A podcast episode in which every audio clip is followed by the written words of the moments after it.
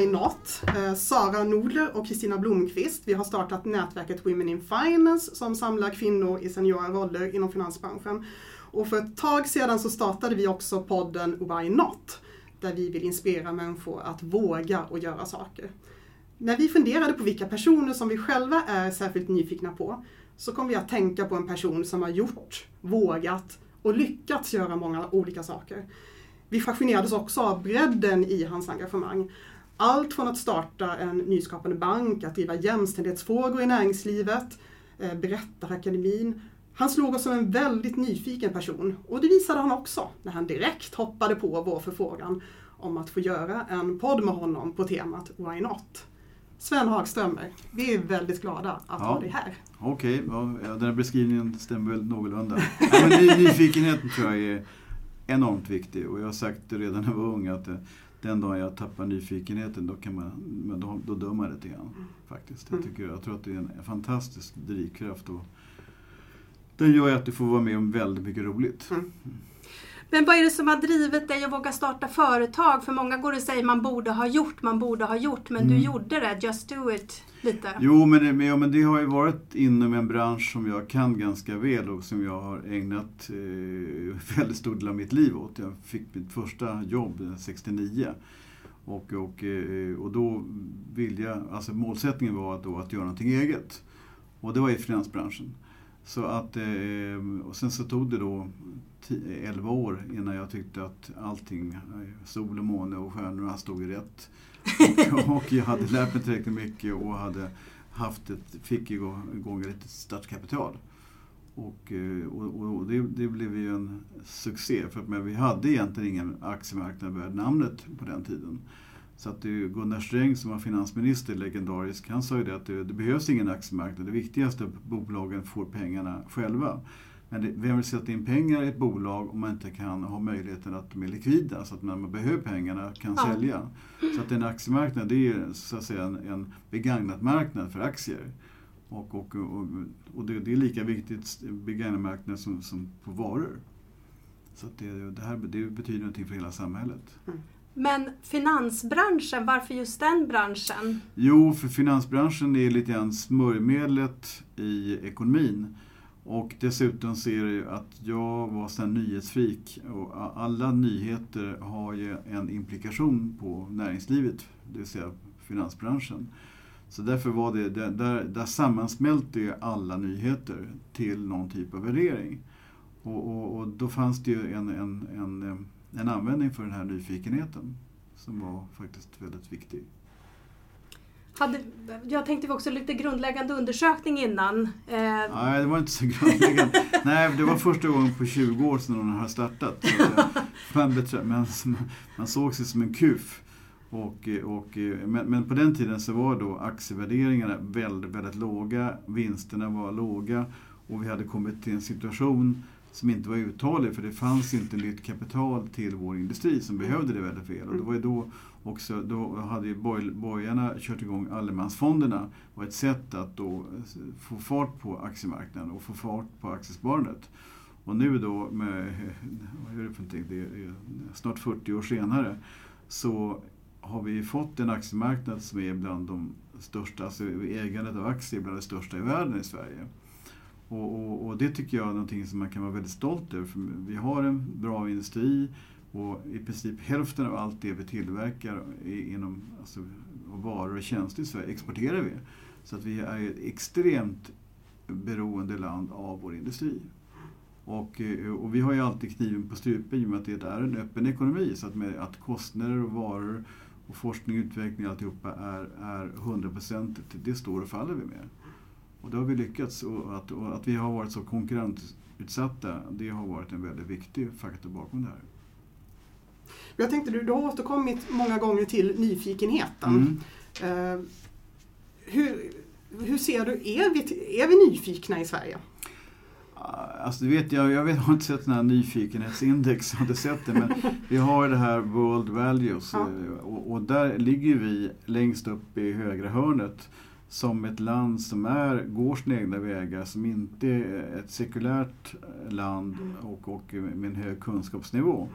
Och det här är någonting som jag är jättestolt över. För jag, jag tror att det, det, har varit en förutsättning för att det går så Mm. bra för, för Sverige. Mm. För vi är ett väldigt litet land egentligen men att Ja, det ja. har ja, funnits men vi, många... ja, vi, det är ett litet skitland på 10 Ja. miljoner invånare. Det är en mindre stad utomlands. Ungefär. Men, men, men, och, och, och jag tror att med sån här grundlades det tror jag redan då när tryckfrihetsförordningen kom då, på slutet på 17, alltså Mm. Gustav III, 1766 tror jag. Eh, Så att, det- att den här öppenheten och transparensen i det här samhället tror jag är jätteviktigt. För de slutna samhällena, de, är, de, är, de tenderar att bli sekter och eh, stillastående tillbakablickande. Utan vi vill ju alltid göra saker och ting bättre. Nu, nu, den här frågan, du var ju lite inne på den, men hur, hur ser du själv på att våga? Är det något du tänker mycket på eller bara gör? Eh, Man får inte bara kasta sig hals över huvud över någonting, eller gör du det? Jo, men alltså, det, det där med definiera våga, för jag har en, en, en, Mm. en, en vän som, som säger till mig att eh, jag förstår inte, du var så modig sa han om en sak som jag gjorde. Och liksom, jag uppfattade inte den som ett minsta modigt. Hon tycker att det var jättemodigt. och, och det är intressant att du tycker det. För att liksom, jag Får man liksom- fråga vad det var för någonting? Nej, men det var, det var, eh, det var jag, jag skulle uppträda vid ett läge, det, det var eh, alltså, Håk hade kraschat alltihop. Och, okej. och jag höll på att jobba med, för jag var ju då på den tiden att vi skulle försöka rädda Håke, för jag, jag hade ju lämnat den tio år tidigare, men, men vi var stora ägare. Och så skulle jag vara med på, på, en, på en debatt då, och tyckte att hon, hon var såklart att jag skulle säga nej till den där minuten. Men det fanns inte på kartan, det var ju snarare så att det var ju bara roligt att göra någonting kul då. Så att, och att det var, var modigt, det förstår jag inte. Så att det där med modighet, det, det, det Kan det vara för att i det fallet då låter det som att det var någonting som du kände till väldigt väl. Du hade, Ja, hade din uppfattning klar. Nej, att vara entreprenör tror jag att eh, fråga om vilken människotyp du är. Om du är problemorienterad eller om du är möjlighetsorienterad. Mm. Ja, men problemorienterad människa skulle aldrig drömma om att starta eget för då ser man bara problem. Mm. Utan en entreprenör måste se vad är möjligheterna att göra det här. Och sen så kan man ju se ja, vad är det som talar emot det här. Men sen får man ta problemen efter resan. Och, och Man ska tror att- kanske inte planera för mycket för problemen. Eller det, Nej men jo men alltså eh, ja, men jag, var, jag var med för, på en sån här debatt ta det som en tennismatch. Jo men så blev den här killen som är, han kommer från Libanon som jag har startat Europen. Och då fick han frågan här, ja vad har du lärt av dina misstag? Vad sa du för någonting? han. Vad har du lärt av dina misstag? Mina misstag? Nej men jag lär mig inte någonting av mina misstag. Jag lär mig av det jag gör bra sen. Det försöker jag göra om. Mhm. Så liksom, ni är så Mm, lustiga i Sverige, varför ska man lära sig sina misstag för? Ja, Det, det man ska repetera är väl just det som har gått bra. ja. Och jag tyckte det var väldigt, väldigt det var väldigt, så, lite nästan omtumlande att han vände på begreppet. Och på en annan grej som jag var med om var det en polska som berättade sa, ni är så konstiga i Sverige. det- värsta ni kan se folk, att de är ute och cyklar, men att vara ute och cykla är inte det väldigt roligt? Det? Så, han förstod inte, ni har så konstiga begrepp i Sverige. Ja, men, jag lärde mig mycket. ja men det är roligt. Jag tänkte också, för man tänker det är inte bara en per personlighetstyp. Mm. Utan vi vill ju att alla ska inspireras och våga. Och Mm. bara göra egentligen lite Mm. mer än ha jantelagen som, Mm. som styr. Och mellanmjölk pratar man också om i Sverige. Hur kan du inspirera folk och, och vad kan du säga till andra egentligen i de här sammanhangen? Liksom, eh, Jo, men alltså, det finns ju, alltså, jag kallar mig själv för återpa, återfallsentreprenör för jag har startat ett antal företag. Det är, det är inte så himla många men jag är förvå- och jag har ju liksom då familjen Persson och, och, och, och IKEA. Det är, liksom, det är mina idoler i Sverige. Men, men de, och sen så Jan Stenbeck, det är en av mina stora idoler som jag jobbade med rätt, väldigt nära. Och sen så Steve Jobs som jag har träffat en gång i världen, det, det, det, det är den stora idolen. För att man, jag läste en biografi om honom. Mm. Och han hade, när han var lika gammal som jag då, med 15-20 års åldern, då byggde han elektronikbyggsatser, exakt samma märke och samma grejer som jag själv gjorde. Sen slutade det med att han hade 51 nollor mer i sin förmögenhet än vad jag har. Men, men, men, men, så vi började våra liv väldigt lika och, och jag har alltid varit Apple-freak. Va? Och, och följt det där bolaget, jag läst allt vi har kommit över och så vidare. Och, och när jag startade då den här Sven Hagström fondkommission 1981 då hade, vi, då, då, då hade vi en skrivmaskin och den stod mitt i det stora rummet. Att man skulle nästan skämmas för att man använde den. Som var Apple 2 Så att Mm. jag hade gått över, alla tyckte jag var helt knäpp hur man kunde ta sådana där datorer till sin hjälp. ja. Med firma, det, det, det tyckte jag var helt vrickat. Så, så, att- så det, jag, jag tycker det är, alltså nätet Och, och, och eh, alltså nätet och IT, det, det, det är en otrolig hjälp Mm. för våra liv, att administrera våra liv, Mm. administrera våra företag och våra samhällen. Mm. Så, så jag, jag tycker det är fantastiskt. Det, det var nästan att man blev frälst. Mm. Alltså jag, på riktigt. Mm. Och då säger du till folk att våga, tänk inte så mycket. Utan, Jo men tänk, måste du göra. Jo men, alltså, jo, men, jo, men alltså, en del kör ju det här och, och med en stort, kanske. halvtaskig affärsidé Ja. och sen så är de inte tillräckligt drivande själva och sen så tror de på sig själva och sen så sen pantsätter de huset och sen så eh, försvinner familjen, det börjar dåligt och skilsmässa och 51 saker. Utan det måste ju någonstans nu, nu går jag aldrig på, på, på kasino, men där man bestämmer hur mycket är jag beredd att satsa på det här. När Mm. säger det stopp eller när säger min Mm. fru eller min man till mig att du, du sa att du skulle sluta här, sluta Mm. här nu. För du, du, du är fortfarande en bra bit från målet. Ja? Och det är fortfarande väldigt osäkert om du når Mm. målet.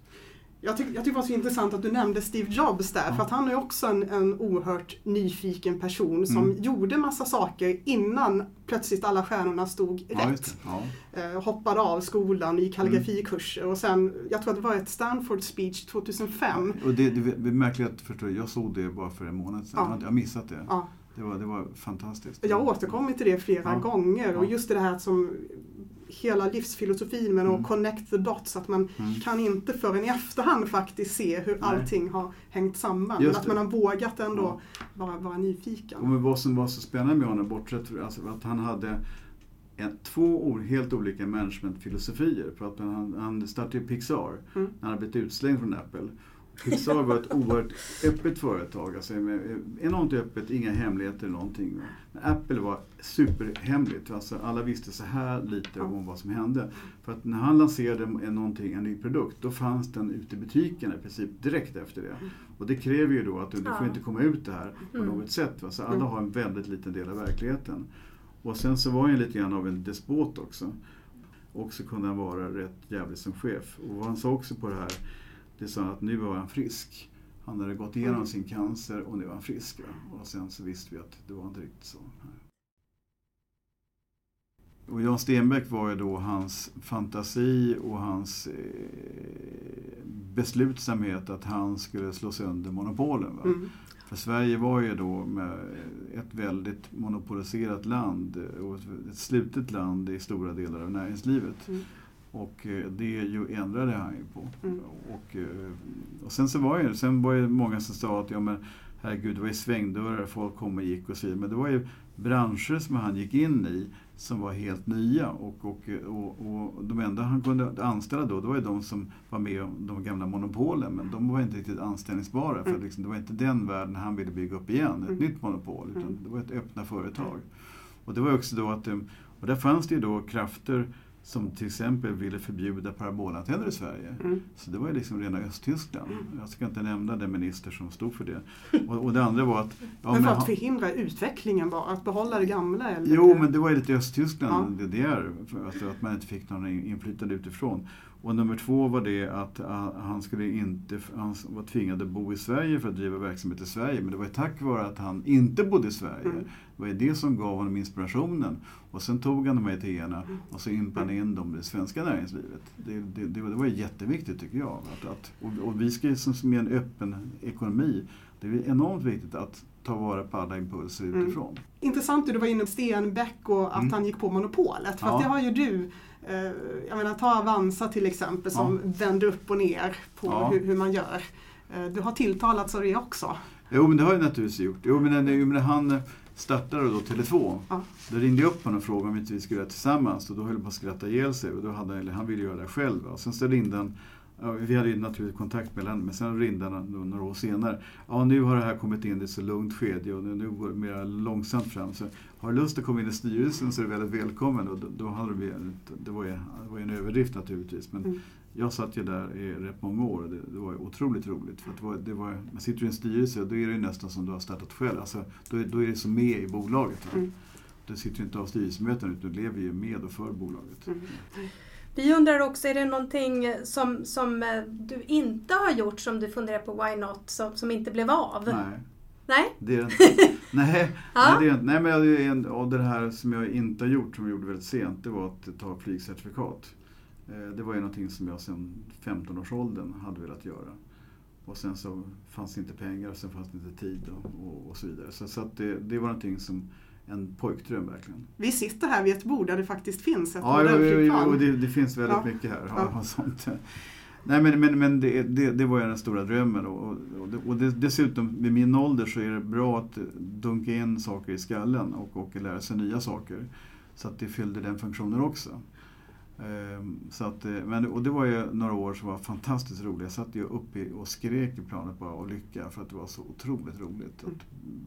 Alltså, och det är samma sak som var ute på havet, var ute i fjällen och var uppe i luften. måste är en enorm frihetskänsla. en otrolig frihetskänsla, verkligen.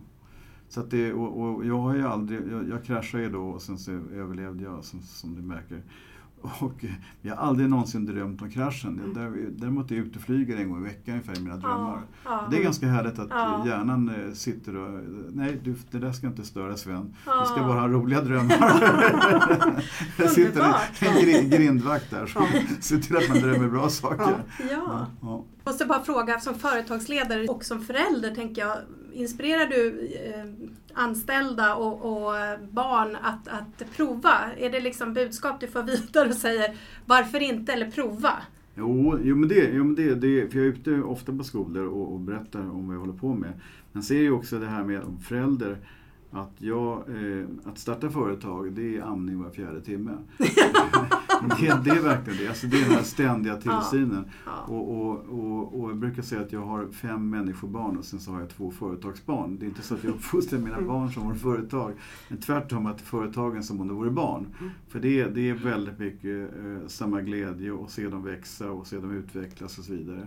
Och det, det, det, det är enormt viktigt för det, det, är organiska organisationer egentligen, av människor. Vad är det roligaste? Är det i uppstartsfasen eller är det sen när man börjar se att nu har, nu har vi lyckats? Vad, vad är det roligast? Ja, alltså det, låter kanske som jag är något fel på mig, men, men, men na, naturligtvis uppstartsfasen då man ser att det här tar fart, att det är någonting som uppskattas. Och att stå på scenen på, på Globen har 6000 människor på Avanza Forum som står där och tycker att du har gjort någonting bra, då, då, då mår jag väldigt, väldigt bra. Mm. Men samtidigt är det faktiskt så att jag brukar säga då att när jag står där på scenen, då lämnar jag ut mitt privata mobilnummer och säger att ring inte och berätta vad ni tycker är bra med Avanza. Ni får bara ringa om ni har kritik.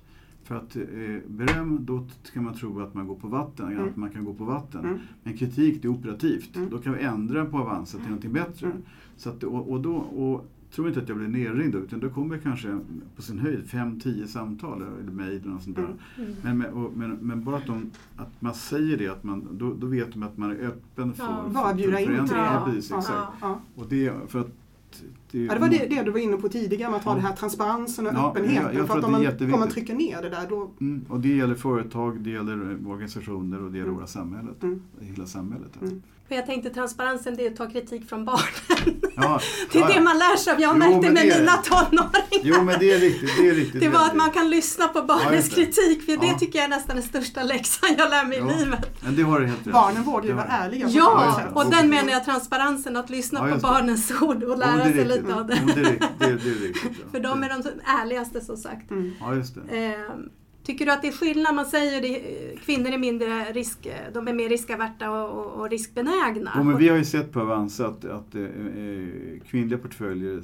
i snitt går bättre och har lägre risk. Jaha, det är så? ja, det, det är faktiskt så. Ja. Och, och bara det är en anledning. Att, men, alltså, att de säger att kvin- kvinnor och män är lika, liksom, det, jag, jag, jag vägrar gå med på det. Utan det är den här Mm. olikheten. Ja. Om vi vore lika så förstår jag inte varför vi ska ha kvinnor med sånt för att anstränga oss. Och, och, men, men, men i och med att vi är olika, och, och, men det värsta av allt tycker jag är att kvinnor jag tror ju på fullt allvar att om en eller två generationer så har vi ett matriarkat.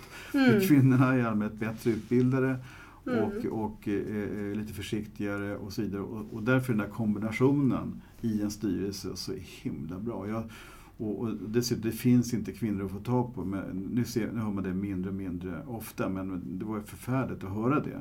När det bara, det bara liksom, vet du, spottade ut duktiga kvinnor från universiteten. Mm. Och så finns det inga till hands. Men, men, och, och därför är det ju Det var då jag startade eh, Allbright, stiftelsen Allbright. För att jag var inte ett dugg bättre än någon annan. Men jag, jag tyckte att hur ser det här, varför ser det ut som det gör? Hur ser strukturen ut? Och, och, och en av de åtgärderna var då att med, om man ser bara det här perspektivet, då är det att delad föräldraförsäkring är en Mm. självklarhet. Va? Mm. För då spelar det ingen roll om du anställer en man eller kvinna, för de kommer vara borta bägge, lika mycket bägge två. Mm. Och då, har inte, då behöver du inte ens tänka igenom dem. Eh, Annat än att du ska anställa som har klarat av det med, med ungar.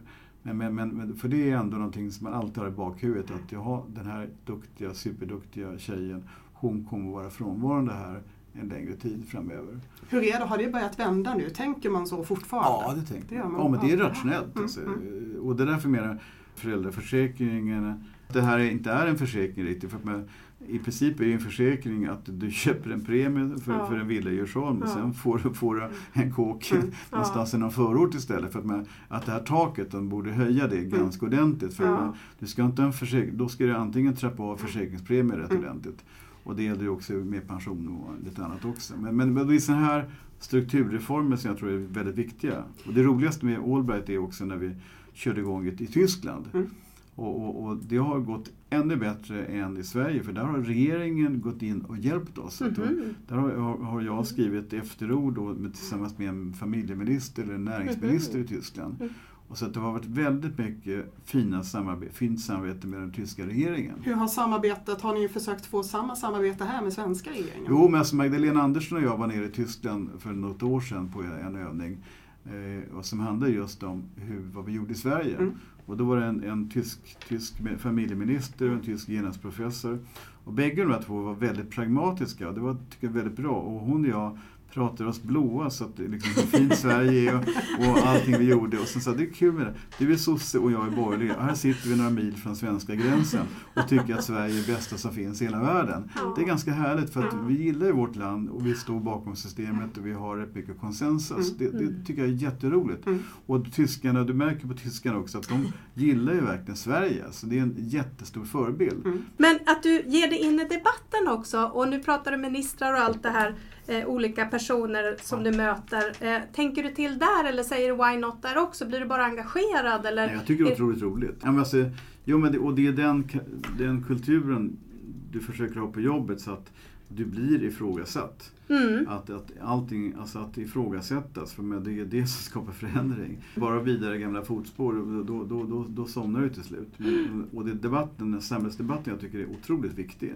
Mm. Eh, Och jag, jag tycker, jag har lite förkärlek för Frankrike kan ju folk inta ståndpunkter bara för debattens skull. Mm. Alltså de kanske inte står för de här ståndpunkterna det. men då håller man igång debatten. Ja. Så, att, så att den är ju jätteviktig och jag är väldigt, jag är frankofil verkligen. Jag älskar det här Mm. landet. Jag tycker de är lite galna men jag älskar dem ändå. här. Det Nej, är jag ungefär som med. dina barn, att liksom Ja. ibland inte alltid håller med Nej, dem. men precis. det Jag håller med. fullt. Ja. Du kan tänka dig att stanna i Sverige? Jo, men det har jag tänkt sedan eh, 90 70-talet. Liksom alla de smartaste, eh, då när vi hade de här Pomperipossa-skatterna och det var väldigt socialistiskt, så var det ju alla de smarta och välutbildade, väldigt stor del av dem, de försvann ju i Sverige. Ja. Och då tänkte jag, okej, om alla de smarta försvinner, då är det ganska bra med en medelmåtta. Då kan man ju mindre konkurrens. Och då stannar jag kvar här och, jobbar vidare. Och det var väldigt alltså, genomtänkt. Och, så, och det här är inte hållbart det, när hela samhället bara bromsar in. Mm. Det kommer alltså även på vänsterkanten inse att vi måste göra någonting åt det här. ja. Och, och, och, och där fick jag ju väldigt rätt då. Och sen har ju många kommit tillbaka också. Men, men, men, men, men, eh, så det var ju väldigt medvetet. Och jag, jag, jag tycker, nej men det här att ha fri skola, fri sjukvård, fri, alltså ha, en, eh, ha en pension som till stor del tas hand om av samhället. Jag tror det är väldigt tre viktiga grundpelare för ett bra samhälle. Jag tror det. Så hemskt mycket! Ja, ja. Ni var så effektiva så att, ja, Det är sådana vi alltid är.